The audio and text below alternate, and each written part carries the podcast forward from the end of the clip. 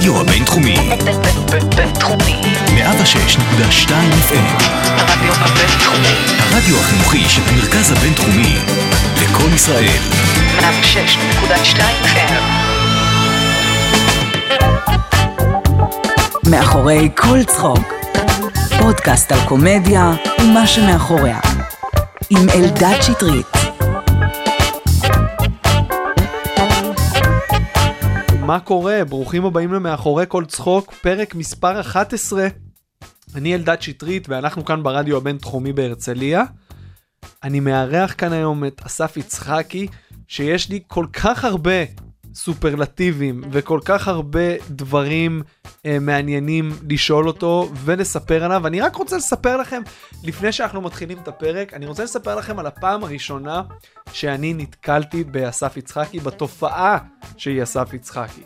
אה, כשאני רק התחלתי להופיע בקוראים רשתות, היינו איזושהי קבוצה של חבר'ה שכתבו ברשת, ועידן ניידיץ שהרים את הערב הזה, אה, בעצם קיבץ את כולנו, ועשינו את הערב הראשון, ומי שעזר לעידן לנהל את הפרויקט הזה, אה, הביא סטנדאפיסטים אורחים, ואחד מהם היה אסף יצחקי. והוא סגר את הערב, ואנחנו לא ידענו אה, מי זה, ופשוט היינו כל כך כל כך התרגשנו מההופעה הזאת, כי זאת בעצם הייתה הפעם הראשונה שעלינו אנחנו על במה בצורה רצינית ומול הרבה קהל ועוד קהל מפרגן, אז היינו בעננים, פשוט היינו בעננים. וכל אחד מאיתנו עלה ועשה את הקטע שלו והיה באדרנלין ועמדנו ביחד מאחורי הקלעים. ואתם יודעים, היה מופע סטנדאפ כמו שאמור להיות מופע סטנדאפ לאנשים שמופיעים בפעם ה...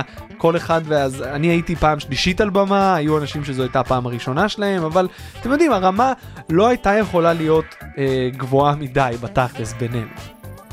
ואז היינו מאחורי הקלעים ואנחנו שומעים את הקהל שואג מצחוק, אני בחיים שלי לא שמעתי דבר כזה, וראיתי הרבה סטנדאפ, והייתי בהופעות סטנדאפ, והקהל פשוט היה במי... ואני זוכר שהיינו שם בדממה, ופתאום הבנו שקורה שם משהו שהוא כל כך רחוק ממה שלנו היה להציע עד לאותו ערב, ואז גם נכנסנו לאולם וראינו את אסף יצחקי, והתפעלנו כמו הקהל, והפכנו להיות קהל באותם רגעים, זאת אומרת, לא ראינו את זה כסטנדאפיסטי, כי גם לא היינו סטנדאפיסטים.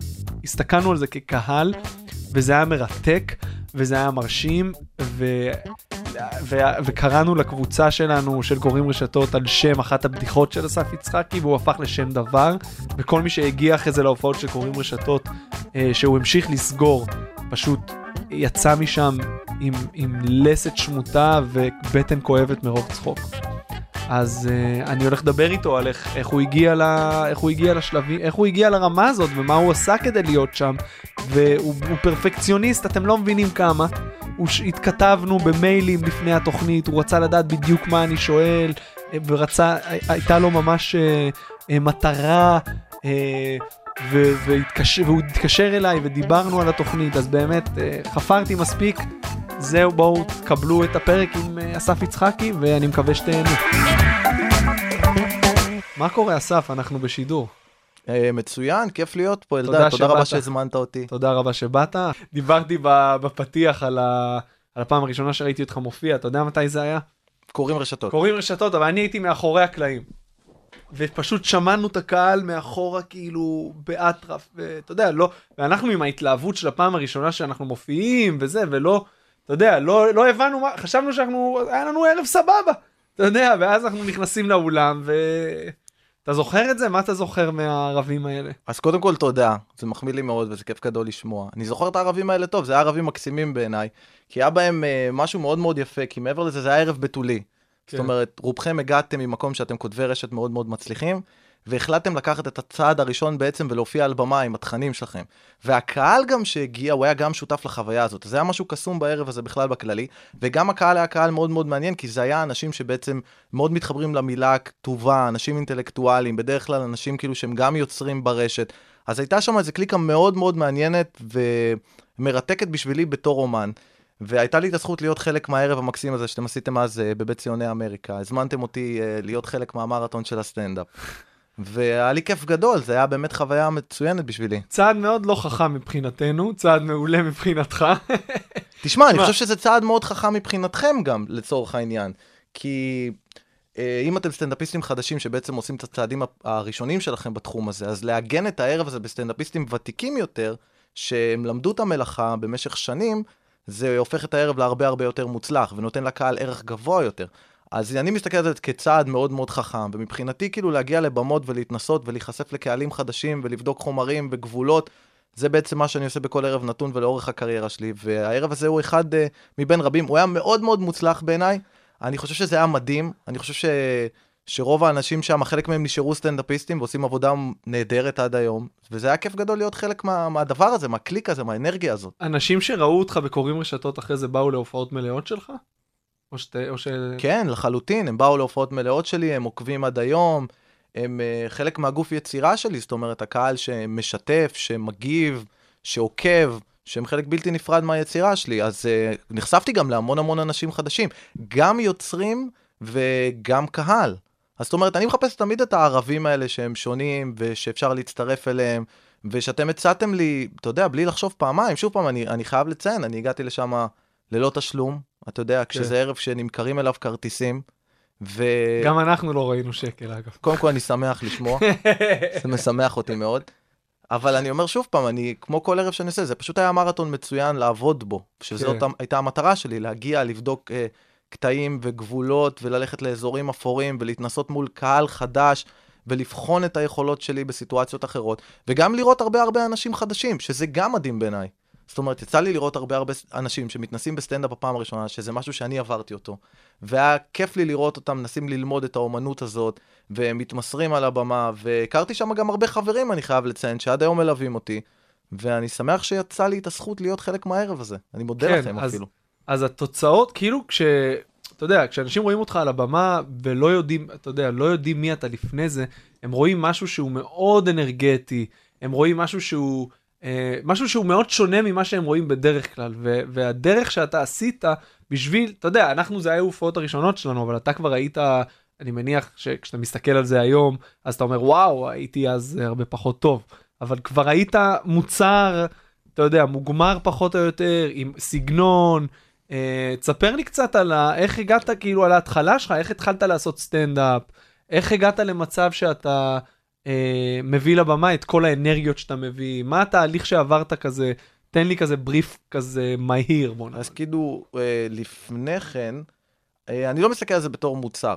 אני כן יכול להגיד שברגע שהגעתי להופיע איתכם, כן הייתה לי מערכת כישורים שעבדתי עליה במשך שנים, וכן היה לי איזה סגנון שפיתחתי ואולי פרספקטיבה קומית משלי, וכן הגעתי לשם, ברור, במקום קצת יותר מתקדם, מן הסתם מאנשים שמנסים בפעם הראשונה, אבל זה לא דבר ששונה, כשאתה מופיע ב, ברחבי הארץ, במרתונים ובמועדונים, אתה מוקף בסטנדאפיסטים, כולם ברמות שונות, כולם התחילו בזמנים שונים. חלק מהזמן אתה מופיע בערבי במה פתוחה, שאני מופיע בהם באופן די uh, עקבי, ואתה מכיר אנשים שזה פעם הראשונה שלהם, וזה חלק מה, מההרמוניה היפה והסינרגיה של הסטנדאפ, שמשתלבים, ולדרך, ודרך אגב, אני חושב שהיא עושה המון טוב, כי היא נותנת איזה נקודת ייחוס. כן. זאת אומרת, דרך האסוציאציות אנחנו לומדים, וכשאתה מגיע לערב כזה ואתה רואה סטנדאפיסט שעובד במשך שנים, זה נותן לך איזה נקודה, זה נותן לך פרספקטיבה, ואני חושב שזה עוזר המון, וזה מאוד חשוב, וזה חלק ממה שאני עושה. Uh, לגבי הדרך שלי, אני התחלתי בגיל צעיר יחסית, אני חושב קצת לפני צבא התחלתי את הקריירה שלי בסטנדאפ. באמת? כן. וואו, איך ואיך, מה, מה הוביל לפעם הראשונה? זאת אומרת, היית מצחיק, ואיך הגעת למצב שאתה אומר, אני עולה לערב במה פתוחה? מאז שאני זוכר את עצמי, זאת אומרת, אני זוכר בערך מגיל ארבע, מה שעניין אותי היה להיות קומיקאי, אה, להתעסק בהומור, לשחק. Mm-hmm. אני באותו זמן לא ידעתי שזה קומיק, שקומיקאי זה מקצוע, יש כאלה שטוענים שעד היום זה לא מקצוע. אבל כאילו תרגמתי את זה לזה שאני רוצה לכתוב, שאני רוצה להופיע, שאני רוצה לשחק. וחיפשתי את הפתח. סטנדאפ לא היה נראה לי כמו הדבר שאני אעשה, הבנתי שאני קומיקאי וזה מתפרס להרבה תחומים, ומה שרציתי לעשות בשלב ההתחלתי היה להופיע עם עוד אנשים, לארגן איזה קבוצת... אה, קבוצה כזאת של שחקנים קומיים שמבצעים מערכונים וכותבים יחד, איזה סוג של אינקובציה של אומנים, וזה מה שעניין אותי לעשות בשלב הראשוני, זה מה שראיתי את עצמי אה, צולח בו, אבל לא היה לי מי להופיע, פשוט לא היה לי מי להופיע. ובאותה תקופה, גם לא היו דרכים לחשוף את האומנות שלך או להיכנס לתחום הזה, חוץ מערבי במה פתוחה. הפתח היחיד שמצאתי, הצוהר היחיד שראיתי, היה ערב במה פתוחה בקאמל קומדי קלאב, שהיה מפרסם את עצמו בידיעות אחרונות. וזה הפתח היחיד שראיתי לעולם הזה. ולפני שהתחלתי להופיע, אני זוכר שניסיתי לשכנע חברים קרובים, שהם היו שחקנים, אנשים מאוד מאוד מוכשרים, עד היום אני חושב שהם מאוד מאוד מוכשרים, הם לא בתחום הזה, וניסיתי לשכנע אותם לבוא ולהופיע איתי, ושנעשה מערכונים יחד, ו... והם לא רצו, הם פשוט לא האמינו. אני חושב שכל הסביבה שלי באותה תקופה הייתה סביבה מאוד פסימית, וכולם אמרו שזה בזבוז זמן, שזה לא דברים שיקרו, שאלו מעטים שמצליחים, ועוד המון אמונות מגבילות שעם השנים, אתה יודע, כאילו, נעלמו לחלוטין מהעולם שלי. אז uh, הפתח שהיה לי בעצם היה קאמל קומדי קלאב, שזה היה ערב במה פתוחה, ואמרתי, כנראה שכדי להיכנס לתחום הקומדיה, אני אצטרך לעבור דרך הפילטר של סטנדאפ. אז אמרתי, אוקיי, אז אני אעשה סטנדאפ. אני לא גדלתי על סטנדאפיסטים ישראלים, אני לא ראיתי סטנדאפ כמשהו שאני אעשה. Uh, אני, הסטנדאפ הראשון שנחשפתי אליו, היה, תאמינו לו, זה היה ממש בגיל, אני חושב, 12, שאח של חבר הביא לנו, הם קנו לייזר דיסק, תחשוב איזה טכנולוגיה ישנה, זה החזיק בדיוק לשבוע, זה עבר לטכנולוגיה הכי מיותרת שהייתה אי פעם. אחרי ה-MP, אחרי המיני דיסק. היה לנו גם מיני דיסק, דרך אגב. אז הוא הביא לנו בעצם לייזר דיסק של אדי מרפי, של דליריוס. זה היה הסטנדאפ הראשון שראיתי, אני זוכר את זה בגיל 12, עד היום הסטנדאפ הזה מרגש אותי, אני חייב להודות שאני ראיתי אותו לא מזמן, והוא מחזיר אותי למקום הזה שהייתי בתור ילד, כי מה שהיה יפה באדי, והיום למשל, שאני רואה את אדי מחדש, אני סוגר איזה סוג של מעגל עם האומנות שלו ועם מה שהוא הביא. כי אדי היה כוכב, הוא היה מבצע, הוא היה כן. סופרסטאר. כן. וזה היה מעבר, זה משהו שאתה לא רואה היום בסטנדאפיסטים. הוא שלהב את הקהל הזה, הוא היה קצבי, הוא ביצע דמויות בצורה וירטואוזית לחלוטין, ובתור ילד אני זוכר כמה נהניתי מזה, כמה זה ריגש אותי. לא ראיתי את עצמי עושה סטנדאפ באותה תקופה. גם אחרי שראית את אדי מרפי, לא, זה אה, לא היה? לא, אני ידעתי שאני אהיה קומיקאי. סטנדאפ אה, לא היה נראה לי כמו משהו שהטבעי מתאים למערכת הכישורים שלי. מה זה אומר קומיקאי? מה רצ- מה דמיינת את עצמך עושה? חשבתי שאני, כמו קומיקאים אחרים, אתה יודע, לבצע מערכונים, לבצע דמויות, לשחק באיזה תוכנית מובילה, להקים קבוצת מערכונים, הופעת אה, קומדיה מצליחה שרצה ברחבי הארץ ואולי גם בחו"ל. אלו הדברים שהניעו אותי, אלו הדברים שראיתי את עצמי עושה, ולא סטנדאפ. והפתח היחיד היה בעצם ערב במה פתוחה, ובגלל זה הגעתי לקאמל קומדי קלאב, ששם היה בעצם ערב במה פתוחה.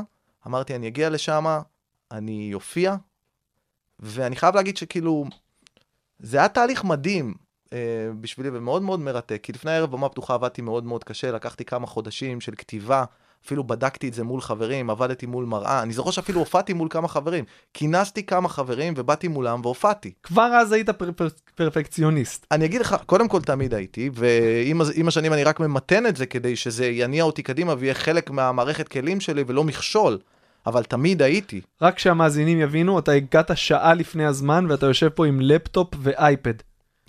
בניגוד לכל סטנדאפיסט אחר שהגיע לכאן, וחמש דקות לפני אמר לי, שומע אחי, איפה זה הבינתחומי? איפה זה, בהרצליה? אתה יודע, אז... אה, אני אגיד לך משהו הכי כנה בעולם, באמת. אני חושב, קודם כל אני מודה לך שאתה נותן לי את הבמה הזאת, ודבר שני, אני לא לוקח את זה כמובן מאליו. אני יודע שיש עכשיו אנשים שמאזינים, בין אם זה קומיקאים ובין אם לא קומיקאים, והמטרה שלי לתת להם את הערך הגבוה ביותר עבור הזמן שלהם ועבור זה שהם נותנים לי את הזכות באמת לדבר ולהביע את המחשבות שלי פה. אז אני, תמיד כשאני מגיע לכזה מקום, אני עושה עבודת הכנה, וחשוב לי להיות כמה שיותר מוקפד ומהודק, ולתת מעצמי כמה שיותר ולחשוף, במטרה אולי בעצם מהחוויות הסובייקטיביות שלי, וכמובן מהדעות שלי ומהסך חוויות שעברתי, לתת משהו לאנשים אחרים. אז אני לא לוקח את זה כמובן מאליו, ואני עובד לקראת זה. וזה נעשה מאהבה גדולה גם למקצוע הזה וגם לאנשים שהם uh, חלק מהעולם שלי. אז uh, העבודה הזאת באה מאהבה מאוד מאוד עמוקה למקצוע ולמה שאני עושה. אני, חו- אני חושב שאי אפשר להצליח במקצוע הזה בלי האהבה הזאת שאתה מתאר, וה... אתה יודע, והתשוקה, ו... ולא רק ההופעות עצמן, אלא כל... להיות חלק מהעולם הזה וכל מה שסובב אותו, אתה יודע, גם מבחינה חברתית, אה, וגם אה, לעשות דברים שהם לא רק להופיע ולכתוב, כי אז זה קצת מצמצם אותך. אני. חושב שזה נכון לגבי כל תחום. אנחנו עוד נדבר על זה, אבל אני חושב, שזה, אני חושב שהעיקרון הראשון הוא לעקוב אחרי התשוקה שלך, ללכת אחרי התשוקה שלך, זה העיקרון הראשון להצלחה. אז אתה, בוא נמשיך מאיפה שעצרנו קודם, איפה הבנת שהתשוקה שלך זה סטנדאפ אחרי, הערב, אחרי אותו ערב בקאמל? אז אני הגעתי לערב במה פתוחה הזה, פעם ראשונה שהופעתי, אני חושב שקודם לכן הגעתי איזה פעם, פעמיים, וניגשתי אפילו לאיזה סטנדאפיסט, כאילו שהיה יותר אה, מוכר והיה לי יותר ניסיון, ואפילו באתי אליו עם חומרים שלי ושאלתי אותו מה הוא חושב על הדברים האלה, אם הוא חושב שזה מצחיק, והוא דווקא אמר לי משהו מאוד מעניין, שפתח לי איזה משהו בחשיבה. הוא אמר לי, תשמע, אני יכול לקרוא את זה, ואני יכול לתת לך תשובה. יכול להיות שהוא היה פשוט עצלן והוא לא רצה לעשות את זה, אבל עדיין, אתה יודע, אני לקחתי את זה למקום חיובי, והוא אמר לי, אבל אני לא יודע מה אתה עושה על במה. אין לי מושג מי אתה על במה, מהמם, איך אתה מהמם. מבצע את החומרים האלה, מה הרגש שאתה יוצר אצל הצופה שלך. ולכן יכול להיות שאני אראה משהו ואני אחשוב שהוא לא מצחיק, שזו דעתי דרך אגב, יכול להיות שאני גם טועה, אבל זה לא ייתן לך את התשובה שאתה מחפש. ולקחתי את זה. ערב במה פתוחה שהגעתי, היה מאוד מאוד מרגש, אני זוכר את זה עד היום. אה, זאת הייתה הצלחה מסחררת, הערב במה פתוחה הראשון שהגעתי. אפילו היה כתב במקום שבא לבקר את ערב במה פתוחה ולכתוב סיפור על הערב, וכל הכתבה הייתה עליי. די. כן, יש לי את הכתבה עד היום. כל הכתבה הייתה עליי, ואני יכול להגיד לך משהו שהוא מדהים.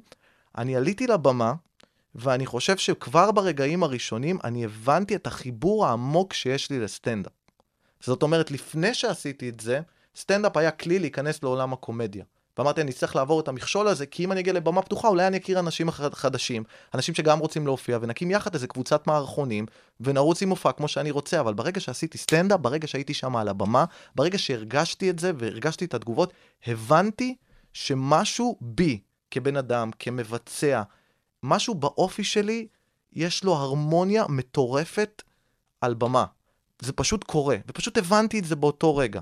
כמובן שלא היה לי מודעות לגבי מה זה אומר להיות סטנדאפיסט, כמה שנים אני אצטרך לעבור, איזה מערכת כישורים אצטרך לרכוש, כמה מכשולים אצטרך להתגבר כדי להגשים את החזון שלי. לא היה לי שום מודעות לדברים האלה בהתחלה, אבל הבנתי את החיבור, וזה היה מספיק בשבילי. ואז עשיתי איזו הפסקה, כי אתה יודע, אה, תקופה של צבא, הייתי צריך לעשות איזו הפסקה, ואז חזרתי שוב לערב במה פתוחה. אה, הפעם הערב היה פחות טוב, אתה יודע, הופעתי מאוד מאוחר, היו קצת אנשים בקהל, ההופעה הייתה מהמם. פחות טובה, אוקיי? היא לא הצליחה בכלל ההופעה, התגובות לא היו טובות, משהו לא התחבר. ואני זוכר את הערב הזה, כי הערב הזה שינה אצלי המון המון דברים, כי אם הערב הראשון גרם לי להבין שיש לי חיבור עם הסטנדאפ, ואהבה מאוד מאוד גדולה לבמה, ושזה משהו שאני כן יודע שאני יכול לעשות, הערב השני גרם לי להבין, באמת אני זוכר את זה עד היום, אני חזרתי ושאלתי את עצמי שאלה. אני הבנתי מה אני רוצה להיות, ואני הבנתי באופן עמוק מה אני אצטרך לעשות כדי להגשים את זה. זאת אומרת, אני שאלתי את עצמי שאלה, האם אני אהיה מוכן לעשות את כל מה שצריך כדי להגשים את הייעוד הזה? שאלה באמת כנה, אני זוכר את עצמי חוזר הביתה, מסתכל על התקרה וחושב עם עצמי, והתשובה הייתה מיידית כן. והתשובה הייתה כן, אה, לא רק בגלל כמה שרציתי את זה, בגלל שזה מי שאני. כי אם ניתנה לי הזכות הזאת להופיע, ואם אני מבין את הדבר הזה כל כך לעומק, ואני כל כך אוהב אותו, אז יש לי זכות. ועם הזכות הזאת ועם הכישרון הזה מגיעה אח- אחריות מאוד מאוד גדולה. ובגלל זה החלטתי עם עצמי שאני אעשה את כל מה שאני צריך כדי להגשים את זה. וזה אומר לקחת את הזמן, ללמוד, להתמסר, ליפול, להיכשל, להגיע כל ערב, לא משנה המזג אוויר, לא משנה אם משלמים לך או לא, לא משנה איך אתה מרגיש. לתת את הנשמה שלך כל ערב על במה, מתוך תשוקה אמיתית לדבר ומתוך רצון להתמסר על מנת לפתח את המערכת כישורים הזאת, ועל מנת להגשים את עצמך, להגשים את החלום הזה. ואני התחייבתי באותו יום, ואני שמח להגיד שאני עד היום עומד בהתחייבות הזאת. אז קודם כל זה מרשים מאוד מה שאתה מתאר כאן, כי התהליך שאתה מתאר בדרך כלל לוקח לסטנדאפיסטים שרק מתחילים כמה שנים להבין שיש דרך מאוד ברורה. אתה אומר פה להופיע בכל מחיר, להתמודד עם התרסקויות, כל הדברים האלה זה בדרך כלל שאתה, דברים שאתה לומד על בשרך תוך כדי תנועה. איך אתה מסביר את זה שכל כך מהר הבנת והצלחת ליישם את כל הדברים האלה? אתה, אתה מדבר כאן על... ליישם זה משהו אחר, ליישם לקח הרבה יותר זמן מן הסתם, כי זה בעצם ההוצאה לפועל, אז ליישם כמובן שבא בשלב מאוחר יותר, לאורך השנים, אבל ההבנה היא הבנה פנימית יותר. מההיכרות שלי עם עצמי, אני דורש מעצמי יותר מכל מה שבן אדם אחר ידרוש ממני. וכשאני מתמסר לכל תחום, אני לומד אותו לעומק. זאת אומרת, אני מנסה לחקור אותו מכל הזוויות, מכל הכיוונים, אני שואל את עצמי את השאלות הקשות, אני מקיף את עצמי בקבוצת ביקורת אימתנית ככל שאני יכול, אני שם את עצמי במצבי קיצון כדי לבדוק את המערכת כישורים שלי, כדי להתמודד, ומההיכרות הזאת עם עצמי ידעתי שאם אני רוצה להיות טוב בדבר הזה, אני אצטרך לעשות את זה בצורה הזאת, בצורה שאני מאמין. ולכן הבנתי את האחריות, את המשקל, את הזמן. אני נתתי איזו הערכה, ואני לא טעיתי גם. איזו הערכה נתת? נתתי הערכה שזה ייקח המון שנים, שזה ייקח המון זמן, שאני אעשה את הצעדים שלי בצורה מבוקרת ונכונה, שאני ארשה לעצמי לטעות ולהיכשל כל פעם מחדש, כי אני מבין שכישלון מסיבי הוא המפתח להצלחה כאן, כי בסופו של דבר אתה נכשל כי היה לך שיקול דעת לא טוב, אבל הכישלון הזה נותן נותן לך בעצם אה, פרספקטיבה חדשה שנותן לך שיקול דעת טוב, שבסופו של דבר יוביל להחלטות חיוביות. אז התובנה שלי הייתה שהכאב הזה של הכישלון, פלוס התבוננות לאחור לאורך זמן, משמע התקדמות. איזה נקודות ציון משמעותיות אתה זוכר מהיום שהתחלת את התהליך בקאמל ועד שהגעת למצב שאתה יודע, היום יש לך סוכן, אתה מוכר הופעות, יש לך מעל, אה, לא יודע, שתי מיליון צפיות כבר לקטע האחרון שהעלית? אה, לא, זה בפעם האחרונה שראיתי, יכול להיות שזה הרבה יותר ואתה צנוע ולא תגיד. אבל אה, מה, מה הנקודות ציון המשמעותיות שאתה זוכר מה, מהתהליך הזה? אה, נקודות ציון, יש המון, המון, המון נקודות ציון. אה, יש נקודות שאני זוכר אותן שהן היו בהתחלה שלי, כבן אדם שלומד את, ה, את המקצוע הזה, והן נקודות משמעותיות, ויש כאלה שהן בתקופה האחרונה, ששינו אצלי הרבה דברים בפרספקטיבה, וגם שינו אותי בתור בן אדם, לצורך העניין. אז אם אנחנו מסתכלים כאילו על, התקו, על התקופה שהתחלתי, נקודת ציון מאוד מאוד חשובה. קודם כל, אני תמיד זוכר את הבן אדם שהייתי, זה משהו שתמיד, אה, שתמיד הולך איתי. כי אני תמיד רוצה לשמר את, ה, את הילד הזה, את הילד הזה שחלם, ואני מסתכל אחורה, אני באתי מרקע צנוע, אני אומר את זה בכנות, ההורים שלי אנשים מקסימים, הם עשו מה שהם יכלו והם נתנו לנו מעל ומעבר, ואני אוהב אותם מאוד על מה שהם נתנו. אבל באתי מרקע צנוע. איפה אבל... גדלת? אני גדלתי בראשון לציון, ובאתי מרקע צנוע, זה אומר שבתקופה שהתחלתי להופיע, לא היה לנו רכב למשפחה, אה, לי לא היה רישיון, והייתי צריך לנסוע באוטובוסים כל ערב, ואני חושב שזה היה מקסים, כי אני מסתכל על התקופה הזאת, ואני מסתכל על הילד הזה שנסע באוטובוסים עם התיק שלו על הגב, ועם המחברת הקטנה שלו, יושב שם בין האנשים, אה, עם הדברים שלו, ולומד את החומרים שלו, ומנסה, ויושב שם על הרצפה במועדוני סטנדאפ, ומסתכל על כל אומן, ומנסה לנתח ולהבין מה הוא עושה, ואני לא שוכח את הילד הזה ואת האמביציה שלו, ואני איפשהו גם אסיר תודה לילד הזה. שהוא הלך את הדרך הזאת, שהוא נלחם על החלומות שלו, שהוא עד היום שם. אז זה כאילו משמר את הרומנטיקה שלי סביב הסטנדאפ וסביב האהבה, ואני עדיין זוכר גם כמה אה, נקודות מפתח מקסימות בסטנדאפ, ואני זוכר שהקאמל קומדי קלאב, המועדון הראשון שהיה, היה לו שלט ענק, שלט מקסים בעיניי, שהיה כתוב קאמל קומדי קלאב, תיאטרון סטנדאפ, חופש Hmm. ביטוי מוחלט. ואני זוכר ש, ש, שהגעתי והסתכלתי על השלט הזה, ו, וזה פתח אצלי איזה משהו בחשיבה, כי פתאום תיאטרון סטנדאפ, שזה הדבר שרציתי, רציתי לשחק, רציתי לעשות דמויות, רציתי לבצע מערכונים. וסטנדאפ זה תיאטרון. זאת אומרת, אני יכול לקחת את הסך חוויות שלי, את הפילטר שאני רואה את המציאות, ולהפוך את המופע הזה לתיאטרלי, לתיאטרון של בן אדם יחיד, שדרך המילים שלו, דרך הכריזמה שלו, דרך הביצוע שלו, הוא משנה משהו באנשים, הוא מרגש אותם, הוא מצחיק אותם. אז קודם כל, המילה תיאטרון הייתה מקסימה בעיניי, והיא עדיין, יש לה, היא מאוד רומנטית בעיניי. והדבר השני הוא חופש ביטוי מוחלט. כי אף אחד לא עצר אותנו. זאת אומרת, כשהגענו להופיע, היינו הילדים המופרעים. אף אחד לא דיבר על כסף, לא היה מסחר סביב הדבר. הסטנדאפיסטים גם שראינו, לא היו אנשים שמתפרנסים מזה בכלל, הם היו, הם היו חצי הומלסים. להגיד לך את האמת, באמת. חצי הומלסים, ואף אחד מאיתנו לא היה מונע מדחפים כלכליים, זה היה נטו מאהבה לדבר. ואני זוכר גם שהתחלתי לעשות סטנדאפ, אה, אני קודם כל הסתרתי את זה מהמשפחה בהתחלה, כי חשבתי שהם לא יקבלו את זה. ההורים שלי לא רצו שאני אלך ל... לאזורים האלה, אני הייתי תלמיד מצטיין והיו לי יכולות אקדמיות מאוד גבוהות וההורים שלי תמיד, אבא שלי תמיד אמר לי, אין לנו דרך לדאוג לך, והוא אמר את זה מאהבה מן הסתם, הוא אמר אין לנו דרך לדאוג לך, אני לא אדאג לך כלכלית. אם אתה הולך לרדוף אחרי חלומות, קח בחשבון שאתה יכול לגמור גם ברחוב, ואף אחד לא יעזור לך. אז המחיר של ללכת ולוותר ולא ליצור לעצמך תעודת ביטוח, יכול להוביל אותך לתוצאות קטסטרופליות. וקח בחשבון שאני לא אהיה שם בשבילך. וואו. אני זוכר את זה, לחלוטין אני זוכר את זה עד היום. ואני זוכר גם שחשבתי על זה לעומק ואמרתי, אוקיי, בסופו של דבר, אני רוצה לעשות את מה שאני אוהב. כי גם אם אני אלך אחרי משהו שכביכול, כביכול אני אומר, נותן ביטחון כלכלי, וגם אם אני אתעשר, אני אהיה בן אדם מאוד מאוד עני. כי ההצלחה שלי לא יהיה בהגשמה. וזה היה הדבר שהיה הכי חשוב לי. זה בעצם החלום שלי, זה בעצם הלב שלי. וכדי ללכת אחרי הלב צריך אומץ, בגלל זה נקרא אומץ לב. ולא ללכת אחרי השכל, שזה הפחד, וההגדרות, והגבולות, וההתניות, והאמונות המקבילות שאנשים נותנים לך. ואני זוכר שהתשובה הייתה מאוד מאוד ברורה. גם אם אני אהיה בלי כסף, גם אם אני אהיה חסר כל אמצעים, כמו שכמובן לדעתי לא קרה, וזה סתם היה בלוף אחד גדול, אבל גם אם אני אעשה את זה, אני אהיה מאושר. כי אני עושה את מה שאני אוהב. ויהיה בזה תחושה של הגשמה. והבחירה הייתה כאילו חד משמעית שאני הולך אחרי מה שאני אוהב. אז uh, כמה נקודות משמעותיות. אני זוכר שהתחלתי להופיע, הייתה תקופה שהייתי מאוד מפוחד על הבמה.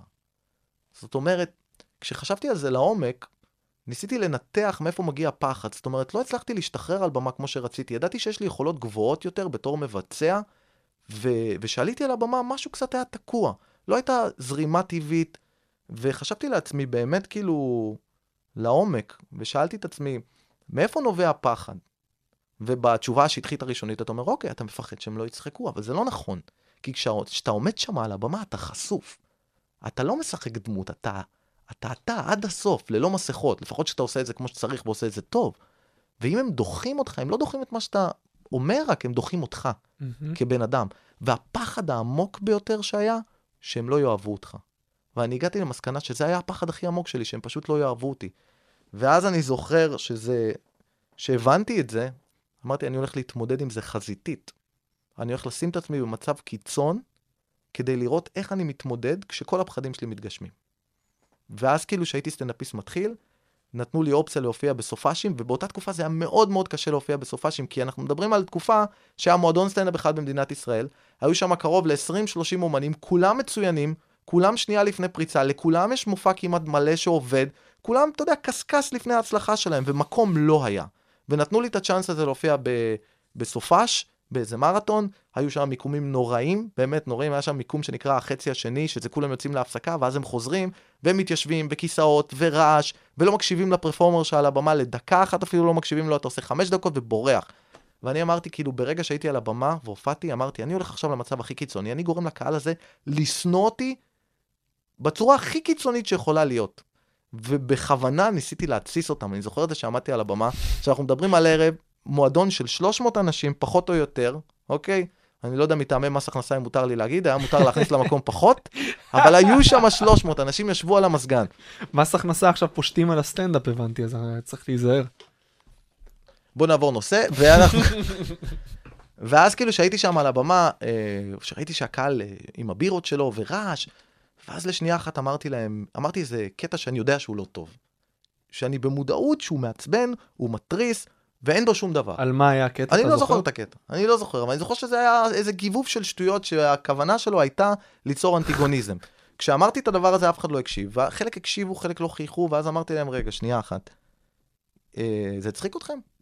ואז כאילו היה איזה שקט במקום, אמרתי, אם זה לא הצחיק אתכם, תצעקו בוז. למה אתם מפחדים לצעוק בוז? תצעקו בוז. ואז כאילו, אתה יודע, היו אנשים כאילו קצת באי נעימות, חלק בוז. ואז אני אמרתי, אוקיי, כל מי שחושב שהוא שם עליכם אה, אלף, אה, אתה יודע, פס, בוא נקרא נגיד פס, מותר להגיד פה הכל. מותר להגיד אז אמרתי, ארז, לאה, זרקו פה, אתה יודע, המילה כוס נזרקה. כן, הם. לא יכולים להגיד שלום בלי להגיד את זה, אז אתה יודע. בקיצר, אז כל מי שחושב את זה, שפשוט ירים יד, והרמתי אני את היד. אז אוטומטית נהיה שקט מוחלט במקום, שכולם מסתכלים על הבמה, מכל ההתעסקות עם הכיסאות ועם המשקאות, כולם הסתכלו על הבמה, הסתכלו עליי ואמרו, רגע, מה קורה פה עכשיו? ואז סיפרתי עוד משהו, עוד יותר מעצבן, עוד יותר מתריס, עוד יותר מעורר אנטיגוניזם. ואף אחד לא צחק שוב, אז אמרתי, למה אתם לא צועקים בוז? אם זה גרוע, אם זה לא מצחיק אתכם, תגיבו. ואז כולם התחילו להגיב, התחילו לצעוק. ואז אמרתי, אוקיי, כל מי ששם עליכם זין, שירים יד. והרמתי יד, שוב. ועשיתי את זה עוד פעם, עד שהגענו למקום שכל המקום עומד על הרגליים. הם זורקים בקבוקים לבמה, אני מדבר איתך ערב עם 300 אנשים, צורכים, זורקים בקבוקים, אני פיצצתי את המקום לחתיכות. עכשיו, אני מדבר איתך על תקופה שאני סטנדאפיסט חדש, אוקיי? אף אחד לא מכיר אותי, אין לי שום, אתה יודע, שום מוניטין או קרדיט מאף אחד אחר. יש מועדון סטנדאפ אחד במדינת ישראל, שמישהו אומר לי, אל תתקרב לפה, אני לא מופיע יותר. אין לי איפה להופיע, אני צריך למצוא את עצמי. זה פחד עמוק. וגם כל הקרדיט, כל הזרקורים עליך, אתה סטנדאפיסט חדש, נתנו לך את ה spot הזה. ואני זוכר שפשוט היה בלגן ורעש, שיתקתי את הערב. היו אנשים שיצאו החוצה, ביקשו את הכסף שלהם בחזרה. אה, אתה, רק שאני אבין, עלית ראשון בחצי השני של הערב, אחרי זה שהם חזרו לפתוח מההפסקה? חצי שני, ככה זה נקרא. כן, אוקיי, זה כמו לפתוח ערב, רק יותר קשה. אוקיי, סבבה. ואז ירדתי מהבמה, אני זוכר שמישהו עלה אחרי זה, ניסה להתנצל, ניסה להרגיע את הרוחות, עדיין המקום היה, הרוחות היו מאוד סוערות, ורצו אליי רוב הסטנדאפיסטים הבכירים, אוקיי? ורצו אליי והסבירו לי למה אני לא יופיע יותר בחיים במועדון הזה, למה אני בחיים לא אהיה סטנדאפיסט, ולמה אין לי שום סיכוי בתחום הזה, פשוט שאני אקח את הדברים שלי ושאני אעוף משם, והם לא רוצים לראות אותי יותר בחיים, אוקיי? איך הרגשת אחרי הערב הזה? מצוין. ואז אחרי כל הרצף של הסטנדאפיסטים שצועקים עליי, ועכשיו אני מדבר איתך על, על באמת בחור בן 19, חדש, שמגיע מכלום, והבעלים של המועדון, באותה תקופה בן זיידל, יאמר לזכותו, הוא ניגש אליי, אחרי כל הרעש והבלגן והצעקות והסערה שהתרחשה שם, והסתכל עליי ואמר, אתה הולך להיות סטנדאפיסט. הוא אמר לי, אני לא ראיתי הרבה אנשים שיש להם אומץ להתמודד עם כזה דבר. אני לא הכרתי אנשים כאלה מרדנים. עצם זה שהיה לך את האומץ לעשות את זה, ועוד כאן, אתה הולך להיות סטנדאפיסט גדול. אני אין לי ספק לגבי זה, אני רוצה שתבוא קבוע כל שבוע.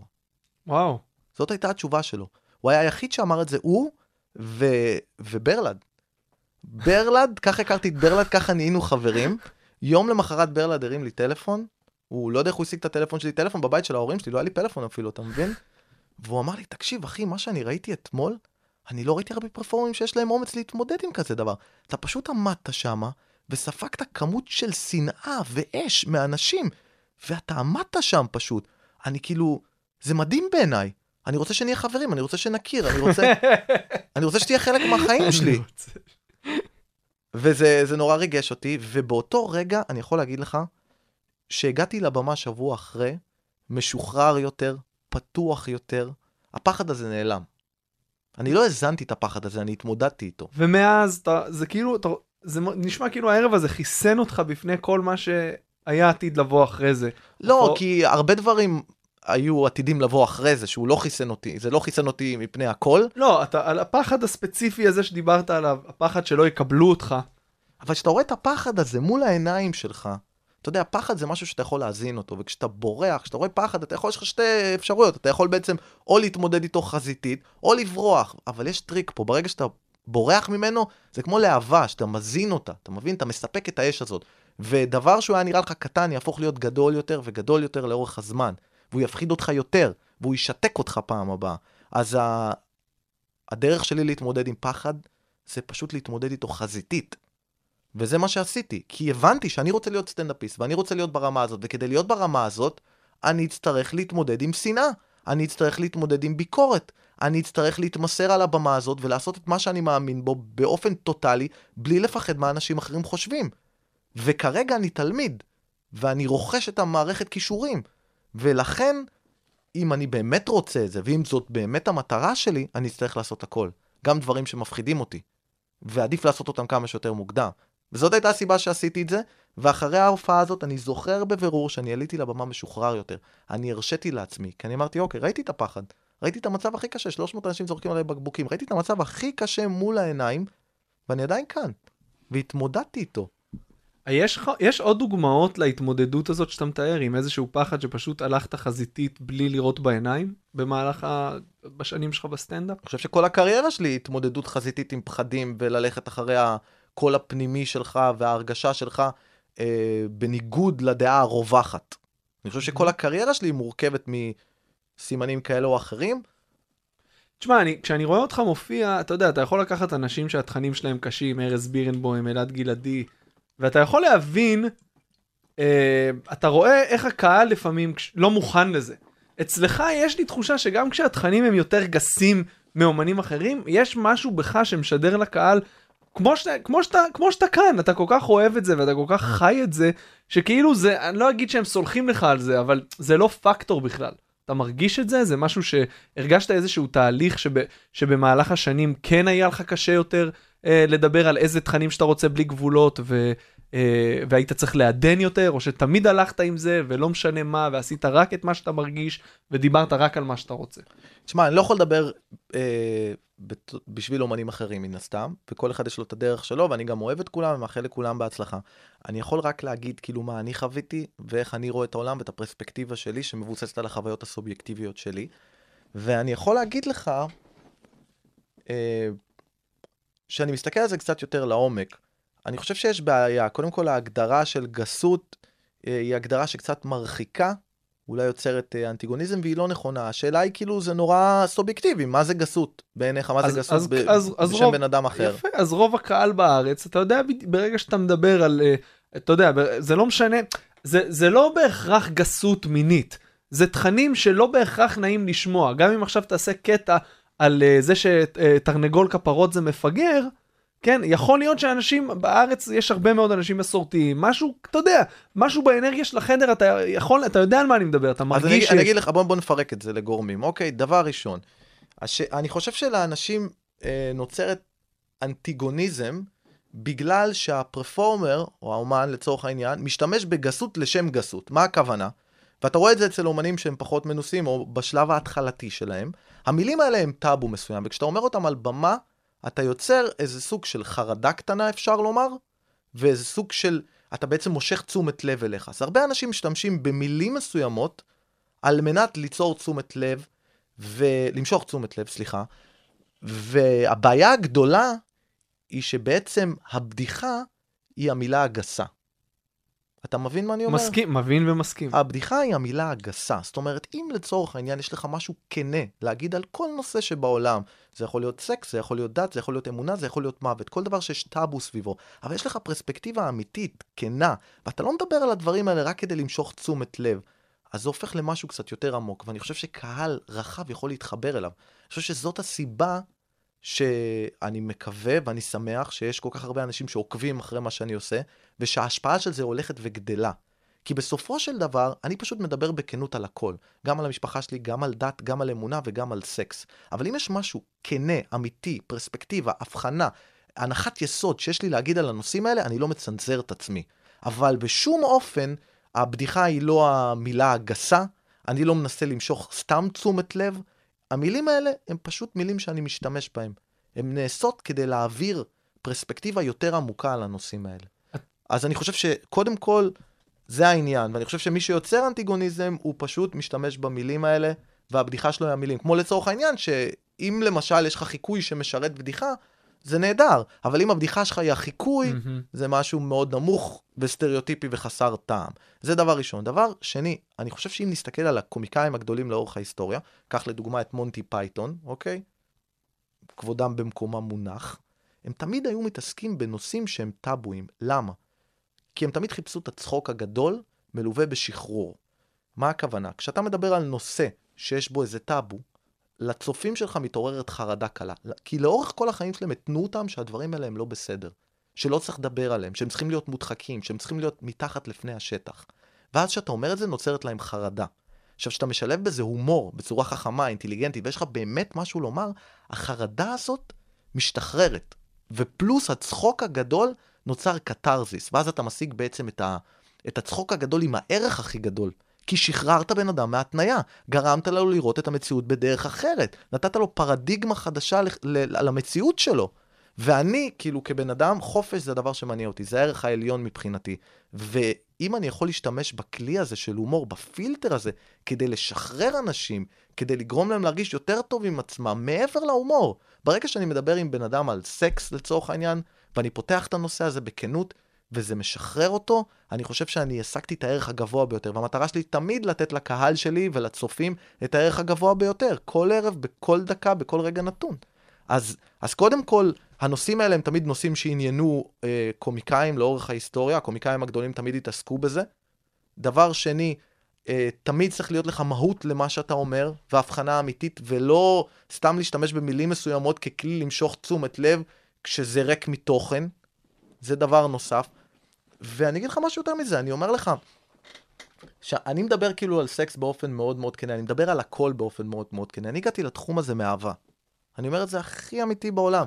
נראה לי שבשלב הזה כבר אה, מי, ש... מי שאיתנו מבין את זה מ- מהדרך שאתה מתאר ומהאופן שאתה מתייחס לדברים. אז ו- ובגלל זה, המטרות שלי לא היו עסקיות. אני יודע שכסף הוא, הוא תוצאה, הוא לא סיבה.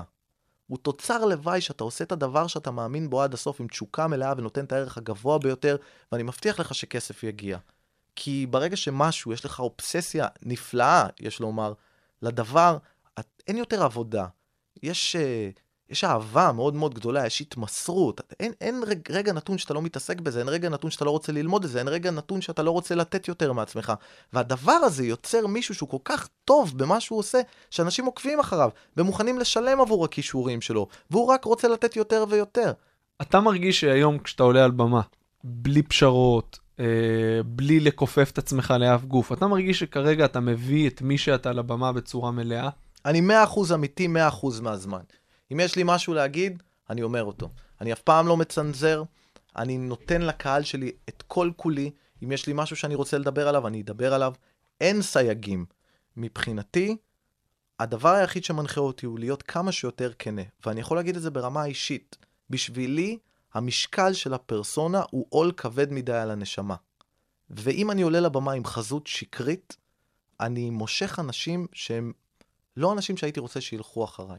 זאת אומרת, מבחינתי, אם אתה רוצה לכבד את הבן אדם שאתה עומד מולו, אתה צריך לדבר בכנות, ללא צנזורה. כי מה זה בעצם צנזורה? זה חוסר כבוד לבן אדם שעומד מולך. כי מה בעצם אתה אומר? אני נכנס לראש שלו, אני יודע מה נכון בשבילו, אני אחסוך מילים, כי אני יודע מה הבן אדם הזה מסוגל להכיל. זה סוג של חוסר כבוד לאדם שעומד מולך. הדבר היחידי שאתה יכול לעשות זה להיות כנה איתו עד הסוף, במלאות, להגיד את דעתך. ואם הוא יקבל אותה, מדהים. ואם הוא לא יקבל אותה, גם מדהים. אבל האנשים שיהיו סביבך יהיו אנשים אמיתיים, אנשים שאוהבים אותך, אנשים שמתחברים למי שאתה. אתה לא רוצה מסכות מסביבך. אתה מרגיש שהקהל שבא לראות אותך מכיר אותך יותר טוב אחרי הופעות? בטוח, מן הסתם, אתה מדבר על הסך חוויות שלך, אתה מדבר על הדברים שעברת, אתה מדבר על הרקע המשפחתי שלך, גם רואים את הפרספקטיבה שלך להומור, לחיים, אז מן הסתם שמכירים אותך יותר מהופעת סטנדאפ, היא חושפת הרבה פרטים על האופי שלך. אה, אם דיברת על נקודות ציון, אז אני אתן לך עוד דוגמאות, אוקיי? אה, אתן לך עוד נקודות. אני לאורך הקריירה שלי, אני חושב שמאז שאני זוכר את עצמי, ניסו לשנות אותי. כמעט כל בן אדם שהיה לו אוריינטציה עסקית בחיים שלי, נתן לי כלים מנחים למה אני צריך לעשות כדי להרוויח יותר כסף. זאת אומרת, שורה של כללים, שאם אתה בעצם תתאים את עצמך למוסכמות, אתה תרוויח הרבה יותר כסף, אתה תקבל שכר. ומשהו מדהים ב, ברגעים האלה, שהם תמיד באים בנקודות הכי קשות שלך. כשאתה הכי למטה, תמיד שמה יצוצו האנשים שמציעים לקנות אותך. עכשיו, אני לא בן אדם שאתה יודע, סגרו לו את הדלת בפריים טיים ובערוצים מסחריים, והוא היה צריך למצוא את עצמו מאיזה דלת אחורית, זה ממש לא המצב שלי. אני קיבלתי הצעות לתוכניות טלוויזיה, אבל בהצעות האלה היה מחיר. המחיר היה לצנזר את עצמך, לעשות משהו שאתה לא מאמין בו. לעשות משהו שהוא, שהוא מנוגד אפילו למה שאתה מאמין בו. והשכר היה גדול, לפחות באותו זמן. ולבן אדם שמגיע בלי אמצעים ומנסה לשרוד, לוותר על כסף, זה לא פשוט. כי בסופו של דבר, אתה יודע, הפחדים הם, הם שורשיים, הם מקיפים אותך. ואתה באמת שואל את עצמך, האם אני קובר את עצמי? האם עכשיו אני עושה צעד שבעצם אני אומר לא לדבר שכל הסטנדאפיסטים היו הורגים בשבילו, רק כי אני לא מאמין בזה, האם אני בעצם גומר לעצמי את הקריירה? ופעם אחר פעם אמרתי לא, פעם אחר פעם, ואני זוכר את זה, אני אגיד לך משהו הכי אמיתי בעולם. אה, לפני, אני חושב שזה היה שנתיים או שלוש, שהחלטתי, קיבלתי הצעה להשתתף בתוכנית פריים טיים. האנשים שניהלו את התוכנית הזאת היו חברים. העורך של התוכנית היה חבר. אני, אני עשר שנים עבדתי כאילו בטלוויזיה מסחרית בישראל, כתבתי, הכרתי המון אנשים, למדתי המון, זה העשיר אותי, ואנשים שעבדו שם היו חברים. והם נתנו לי הצעה נהדרת, והם נתנו לי הצעה בתור חברים, הצעה אוהבת. אמרו לי, תבוא, תשתתף, יש פה כסף על השולחן, יש פה הצלחה, יש פה פרסום, בוא. אבל, בבקשה ממך, תגיד את הדברים הבאים. תתנהג בצורה הבאה, תהיה בן אדם אחר ושים מסכה, אוקיי? ואני זוכר את הרגע הזה בזמן, ואני זוכר גם שהסוכן שלי, שאני מאוד אוהב אותו, ואני עדיין איתו עד היום, אמר לי, תקשיב, אני אומר לך בשיא הכנות, בתור חבר, כבר זה לא, לא מקום עסקי, שאם אתה אומר לא לדבר הזה, זה הסוף שלך. זה הסוף של הקריירה שלך כבר. כי אף אחד לא יעבוד איתך יותר. אמרת לא כל כך הרבה פעמים, אנשים כבר לא רוצים לעבוד איתך, פשוט, פשוט תלך. ואני אומר לך את זה בתור, אני אעזור לך, אתה תצליח כלכלית, יהיה לך את כל מה שאתה רוצה, ואתה יודע מה, אולי בעתיד, אולי בעתיד אתה תשנה את מי שאתה, ותעשה משהו טיפה אחר, ותלך אולי קצת עם הלב שלך, אבל כרגע, בוא נשים את המסכה הזאת. ואני זוכר את עצמי, חושב על זה לעומק, ואני אמרתי לא, ולא רק שאמרתי לא, אמרתי, תקשיב מה אני אעשה. אני הולך לקחת הלוואה, ואני הולך להפיק ערב בעצמי. ואני אעלה לבמה הזאת, ואני אגיד את מה שאני מאמין בו, עד הסוף. אני אעשה את הקטע כמו שאני רואה לנכון, ואני אוציא אותו לרשת. ובאותה תקופה זה לא היה נפוץ, הקטעים האלה לא היו אה, ויראליים ומצליחים, ולא, הם הפכו לנורמה עם הזמן, זאת אומרת, היום אפילו האומנים הגדולים, אלה שבאו מהמיינסטרים, הם אלה שעושים דרך הרשת כרגע. והבחירה הייתה, כאילו, רוב האנשים שהקיפו אותי, היועצים, ששוב פעם, אני אוהב אותם מאוד, הם אנשים שאוהבים אותך, יכולים להגיד לך דברים, עצות נוראיות. הם אומרים את זה בגלל שהם אוהבים אותך, אבל הם לא יודעים. הם פשוט לא יודעים, הם אומרים את זה כי הם באמת אוהבים אותך, הם באמת דואגים לך, וזה באמת מה שהם יודעים על המציאות הזאת. אז בגלל זה הם נותנים לך עצות, ואני יכול להגיד לך שלפעמים האנשים שאוהבים אותך ייתנו לך את העצות הכי גרועות שהיו לך בחיים. עצות שירחיקו אותך מעצמך, עצות שירחיקו אותך מלהגשים את החלומות שלך, את החזון שלך. ואני אמרתי, אני לוקח את הכסף הזה, ואני הולך ואני מפיק, ואני עושה את מה שאני רוצה עד הסוף, ואני לא מצנזר מילה, ומי שיעקוב אחריי, יעקוב אחריי, ומי שלא, גם מצוין, יהיו אנשים אחרים שהוא יעקוב אחריהם, אבל אני לא מצנזר, אני לא משנה, אני לא מתפשר, מי שיבוא יבוא, ואם זה העתיד שלי, שעכשיו נגמרה הקריירה שלי, אז שתיגמר. אבל בסופו של דבר, אני אהיה נאמן לעצמי, אני אהיה נאמן לקול הפנימי שלי, ואני אלך אחרי החלומות שלי. הכנתי את הקטע, הקטע היה מוכן לצאת, הראיתי את זה לסוכן שלי, את הקטע הראשון, קטע סטנדאפ הראשון שהוצאתי. הסוכן שלי אמר לי, תקשיב טוב, אני מסתכל על הקטע הזה, וכואב לי עליך. כי ברגע שהקטע הזה יצא, אתה לא תעבוד יותר. ואני אומר לך את זה בכנות. ויותר מזה, אני לא יודע איפה אני אשווק אותך בכלל, אני לא יודע איפה אני אעבוד איתך. אני לא יודע מה אני אעשה איתך. ואני פשוט רואה אותך קובר את עצמך. והוא אפילו שכנע אומנים גדולים, האומנים המובילים במדינת ישראל, אנשים שהתעשרו מסטנדאפ, להתקשר אליי ולהסביר לי למה הקטע הזה אסור לראות אור בחיים. ואלה אנשים מהעשירים ביותר, מהאנשים הרווחים ביותר בסטנדאפ בישראל, שהסבירו לי, עזוב אותך. יש פה כסף גדול, יש פה הצלחה, אל תלך לדרך הזאת. אתה מכור לאסטרטגיה כושלת. והסתכלתי פנימה והוצאתי את הקטע הזה, ואני אומר לך שהתגובות היו מדהימות. הוא שינה כל כך הרבה דברים בחיים שלי, הוא חיזק את מה שאני מאמין. וה... ומה שאני מאמין באמת זה ש... שאתה... שאתה עושה כל תחום, אנשים טובים, ובוא נגיד שהם באמת אנשים טובים, כי המטרה שלהם זה באמת לעזור לך. ואנשים רוצים את טובתך, הם לא נגדך. הם יציעו לך סט של כללים, מוסכמות, שאם תתאים את עצמך אליהם, יהיה שכר מאוד מאוד גדול. ואני חושב שזו טעות ענקית. ואני אומר את זה לאנשים שמאזינים עכשיו, זו הטעות הכי גדולה שאתם תעשו, ואני אסביר לכם למה. כי אם אתה תלך אחרי הלב שלך, אם אתה תלך, כי זה העיקרון הראשון, לך אחרי התשוקה שלך, אם אתה תלך אחרי התשוקה שלך, זה כבר לא תהיה עבודה, זאת תהיה אובססיה, זאת תהיה אהבה. כל רגע נתון, כל זמן פנוי, כל יום אתה תרצה להיות טוב יותר, להתמסר יותר, לתת מעצמך יותר, לתת ערך גבוה יותר, ובסופו של דבר אתה תהיה טוב יותר. וזה יתבטא גם כלכלית. ויכול להיות שאם תסכים להצעה שנותנים לך, לשנות עצמך, יכול להיות שיהיה לך כסף בטווח הקצר. יכול להיות שיהיה לך גם איזו נוחות מסוימת, יהיה לך כלוב של זהב, יכול להיות. אבל זה לא יהיה הסכום האמיתי שהיית יכול להרוויח. גם כלכלית אתה תפסיד. אז הבלוף הכי גדול הוא, לך איפה שהכסף. לך תתאים את עצמך לנורמות, לקבל את האירוניה של המציאות ואת החוקים האלה ככללים דידקטיים שמישהו הכתיב, אתה צריך להתאים את עצמך. אה, המחזאי, ג'ורג' ברנרד שו, אוקיי? הוא אמר משהו מקסים בעיניי. הוא אמר שאנשים רציונליים מתאימים את עצמם לדרכי העולם. אנשים לא רציונליים מצפים שהעולם יתאים את עצמם אליהם. האבסורד הוא שכל התקדמות אנושית תלויה באנשים לא רציונליים. ואני מאמין שריאליזם זה ללוזרים. זה לאנשים פסימיים, שלא היה להם את האומץ ללכת אחרי צו המצפון שלהם, להגשים את עצמם, הם מכרו את עצמם לאורך הדרך, ואני אומר לכל מי שמאזין, לך אחרי החלומות שלך, תצעק את החלומות שלך, החלומות שלך צריכים להיות גדולים, הם צריכים להיות כאלה שאם מישהו שומע אותם, הוא חושב שאתה משוגע על כל הראש, זאת הדרך היחידה לדעת שאתה חולה מספיק גדול, אל תתפשר לאורך הדרך, לא משנה כמה יש קשיים, יש איזה ג'ונגל שאתה צריך לעבור, תקיף את עצמך בסיירים, באנשים חכמים שיכולים לנווט אותך ולעזור לך, אבל אחרי הג'ונגל הזה אני מבטיח לך שיש הצלחה יותר גדולה ממה שאתה יכול לתאר. כי הכישלון הכי גדול הוא הצלחה ללא הגשמה. וזה מה שהאנשים האלה הציעו לי, הצלחה ללא הגשמה. כי אם הייתי מצליח, דרך הפילטרים של האנשים האלה, הייתי צריך כל ערב לעלות על במה ולזייף את מי שאני. זה יכול להיות שהיה צ'ק בסוף הערב, אבל כל ערב הייתי עולה והייתי אומר דברים שאני לא מאמין בהם לאנשים שאני לא רוצה להגיד את הדברים האלה, והייתי מוותר על החלומות שלי. ואני לא הגעתי לתחום הזה, לא הלכתי אחרי הלב שלי כדי לוותר על החלומות שלי לאורך הדרך בשביל כסף. מה הדברים שאתה עושה שהופכים אותך ל... לכותב טוב יותר, לפרפורמר טוב יותר? חוץ מכמובן להופיע, שזה must שצריך לעשות את זה כמה שיותר, אתה מסכים איתי? אני חושב שכן, חד משמעית. אני חושב שזמן במה הוא קריטי בעניין הזה, במיוחד כשאתה מתחיל להופיע. Mm-hmm. כי כשאתה מתחיל להופיע, אתה מפתח את הטכניקה הראשונית.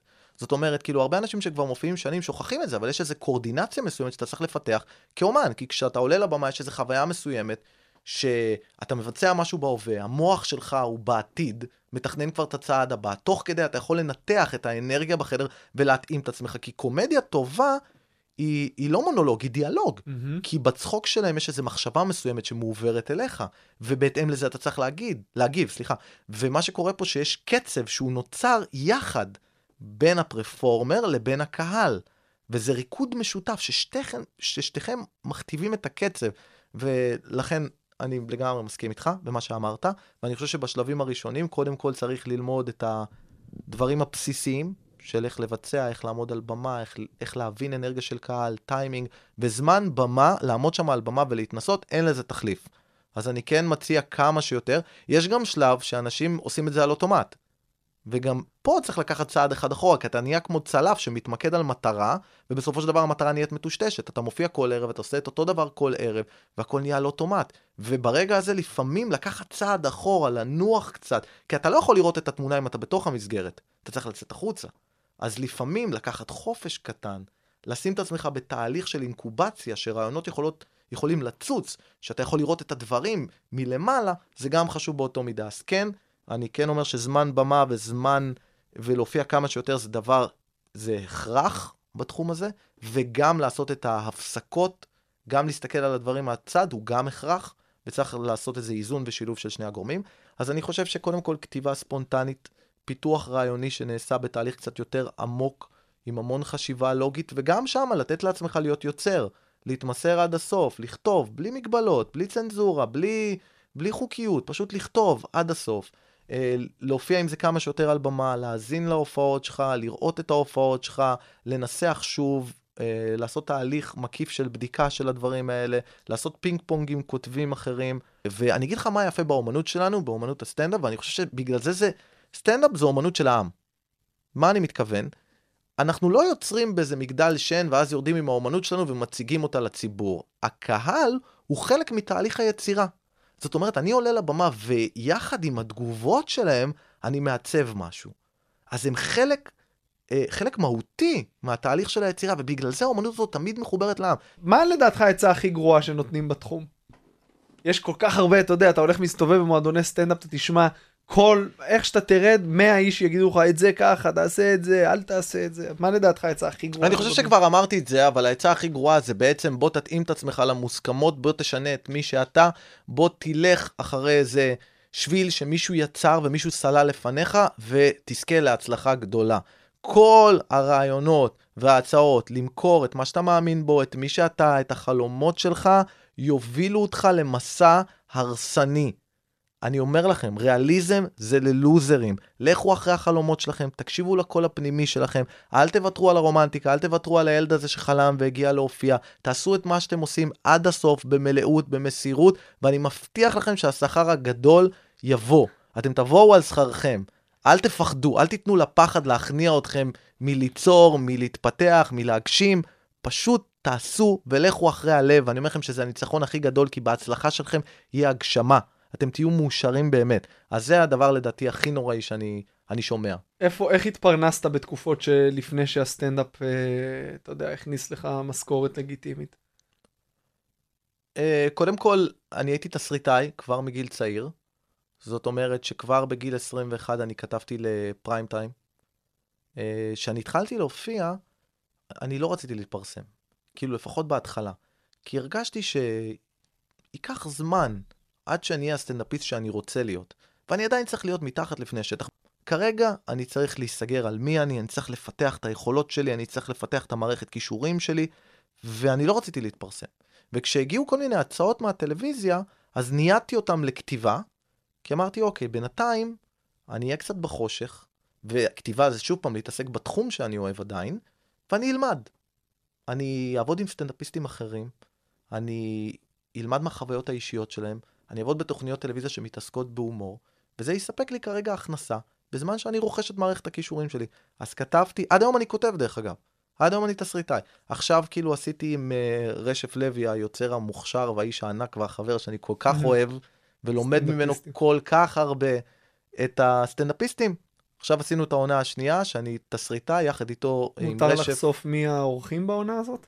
אתה יודע מה, אני חושב שכן, אבל אני לא רוצה להגיד סתם, okay. אוקיי. כי אין לי שום מושג, אתה יודע.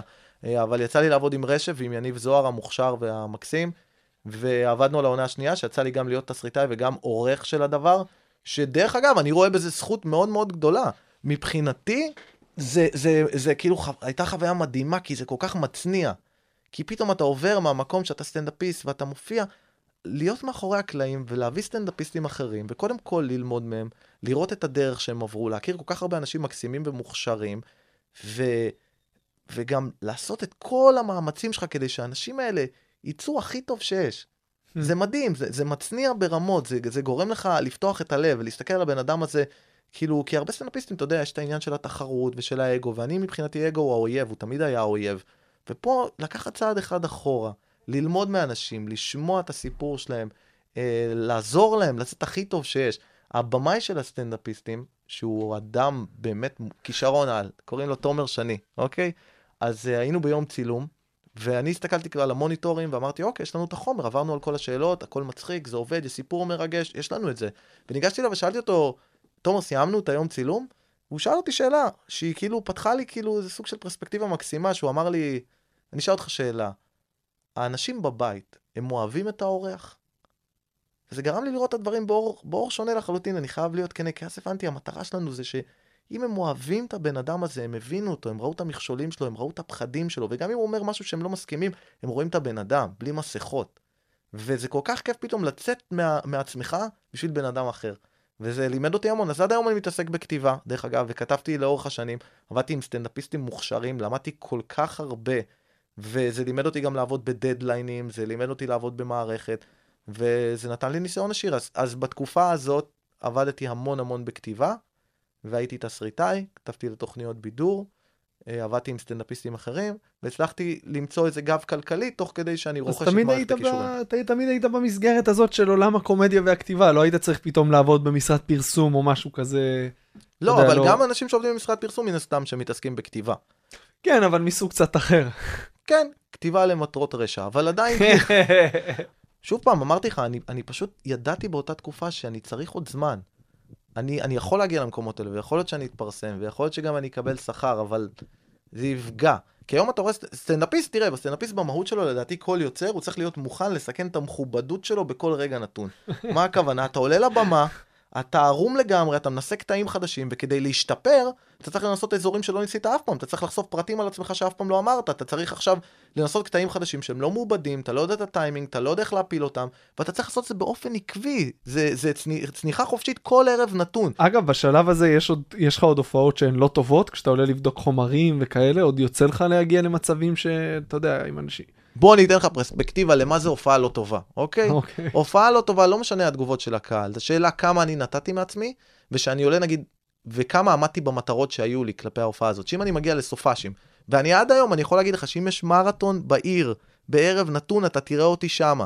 אני בכל ערב נתון כזה, כל סופש יעשה שלוש, ארבע הופעות, אני אגיע עם קטעים חדשים, אני אנסה דברים שלא ניסיתי בחיים, אני אעלה במיקומים הכי קשים, ואני אנסה לבחון את עצמי בתנאי קיצון, כל ערב. עכשיו, מה זה הופעה לא טובה? הופעה טובה, אם עליתי להופעה הזאת ונכנעתי לפחד, שזה אומר, אוקיי, חזרתי לדברים מוכרים כדי לקבל איזה אהדה, ולא בחנתי את עצמי, לא ניסיתי דברים חדשים, לא ערערתי את היסודות, זאת הופעה לא טובה בעיניי. כשאני עולה לבמה, אני שואל את עצמי, האם באמת בחנתי את הכל? האם הלכתי רחוק יותר? האם הלכתי לאזורים אפורים? האם סיכנתי את מה שאני מאמין בו, את מה שאני יודע?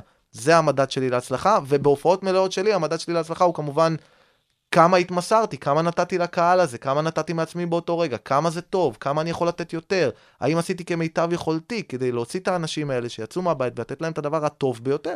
אז אם עשיתי את זה, זה מדד מצוין להצלחה בשבילי. ואיזה עצה היית נותן לעצמך כקומיקאי אה, צעיר? אוקיי, אוקיי. דבר ראשון הייתי אומר לבן אדם הזה שהתחיל להופיע, שאין גבולות חוץ מהגבולות שאתה מציב לעצמך.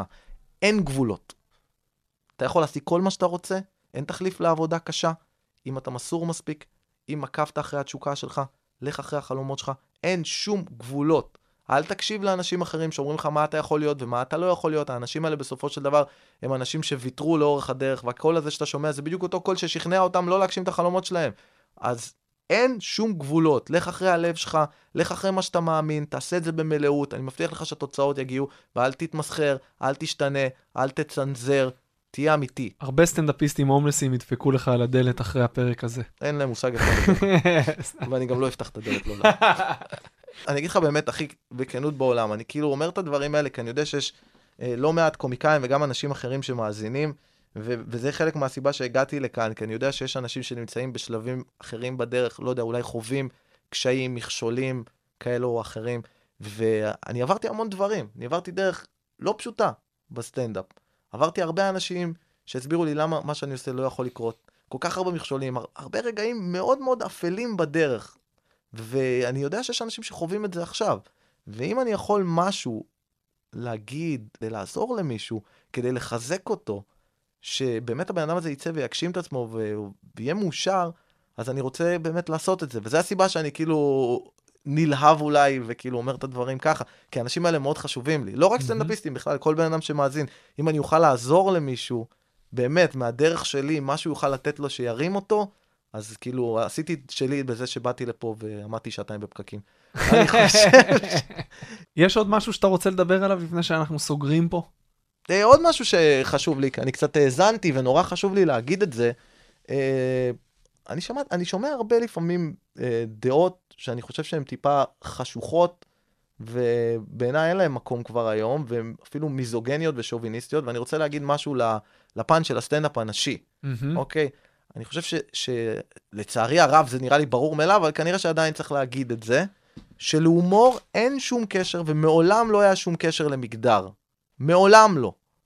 ואני רואה כל כך הרבה נשים מוכשרות במועדוני סטנדאפ ואמביציוזיות עם מוסר עבודה מטורף, שמביאות משהו כל כך מרענן ויפה לבמה. ואני אומר את זה גם לגבר וגם אישה, אף אחד לא יכול להגיד לכם מה אתם יכולים לעשות ומה אתם לא יכולים לעשות. אל תיתנו לאף אחד להכניס לכם את האמונות המקבילות שלו, הדעות החשוכות שלו, ולהפוך את זה למציאות שלכם. צאו ותגשימו את עצמכם. אני באמת רואה כל כך הרבה אנשים מוכשרים, פשוט לכו אחרי החלומות שלכם, אל תיתנו לטיפשות הזאת ולבורות הזאת להכתיב לכם כל מיני... אסף יצחקי, סטנדאפיסט, קואוצ'ר ופמיניסט מוצהר. אה, תודה רבה שהאזנתם. אסף, ממש תודה שבאת. תודה רבה לך, אלדד, למדתי היה לי כיף גדול. אה, היה ממש כיף, ואם נהניתם מהתוכנית, תכתבו לנו. אה, אנחנו זמינים גם באייטיונס, גם באפליקציית הפודקאסטים של אה, גוגל. זהו, תודה רבה לרדיו הבינתחומי שנותנים לנו להקליט פה כל שבועיים. אה, כיף שהייתם, שוב תודה אסף, תודה רבה, נהניתי מאוד, תודה לרדיו ותודה לך אלדד שנתת לי את הבמה הזאת. בכיף. יאללה ביי. ביי.